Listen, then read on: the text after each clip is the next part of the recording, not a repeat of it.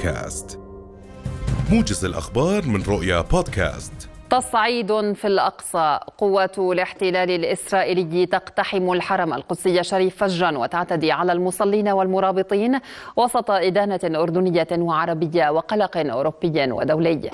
الأردن عبر على لسان الناطق الرسمي باسم وزارة الخارجية وشؤون المغتربين السفير هيثم أبو الفول عبر عن إدانته بأشد العبارات لاقتحام الحرم القدسي الشريف والاعتداء عليه وعلى المصلين مؤكدا أن ذلك يعد انتهاء انتهاكا صارخا وتصرفا مدانا ومرفوضا.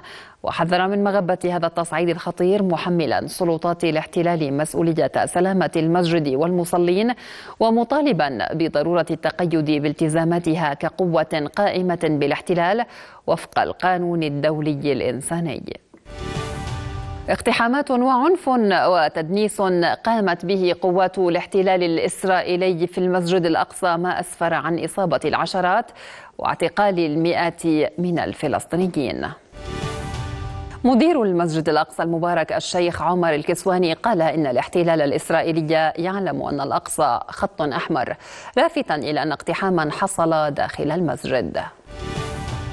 وعقب المواجهات التي وقعت في الأقصى قام الفلسطينيون بتنظيف المسجد وباحاته من آثار اقتحام قوات الاحتلال واعتداءاتها. آثار اقتحام الاحتلال للمسجد واستخدامه القنابل الصوتية وقنابل الغاز والرصاص المطاطي وما رافقه من تخريب وتكسير قام المصلون بإزالته وكل ذلك لم يثني عشرات الآلاف من الفلسطينيين عن أداء صلاة الجمعة الثانية من شهر رمضان المبارك في رحابه. وعلى صعيد متصل قامت اللجنة الوطنية للأسرى والمفقودين الأردنيين في سجون الاحتلال ونقابة المهندسين الأردنيين حفل إفطار لأهالي الأسرى الأردنيين في سجون الاحتلال الإسرائيلي. وخلال المناسبة التي أقيمت في حديقة المهندس بالزرقاء يوم أمس شدد المشاركون على ضرورة أن تكون قضية الأسرى الأردنيين حاضرة بقوة لدى مختلف المؤسسات الوطنية. وطلب المشاركون الحكومة بتعزيز جهودها في الدفاع عن قضية الأسرى الأردنيين والعمل من أجل تحريرهم إضافة إلى تنظيم زيارات لأهالي الأسرى. في تطورات الحرب الروسية الأوكرانية أعلنت موسكو اليوم أنها دمرت مصنعا للأسلحة في ضواحي كييف مؤكدة أنها ستكثف ضرباتها على العاصمة الأوكرانية ردا على هجمات شنتها كييف داخل الأراضي الروسية. بيان وزارة الدفاع الروسية قال إن القوات الروسية استهدفت بالصواريخ مصنعا في ضواحي كييف.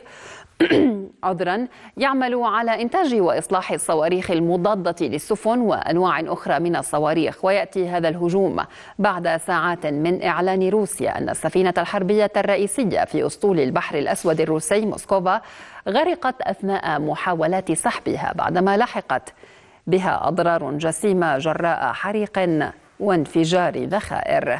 في كييف اتهم أيضا النائب العام الأوكراني موسكو بقتل سبعة مدنيين وجرح 27 آخرين باستهداف حافلات إجلاء في منطقة خاركيف شرق أوكرانيا.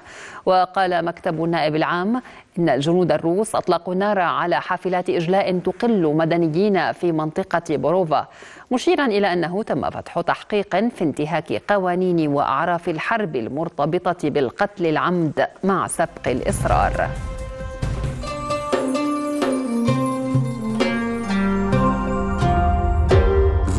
بودكاست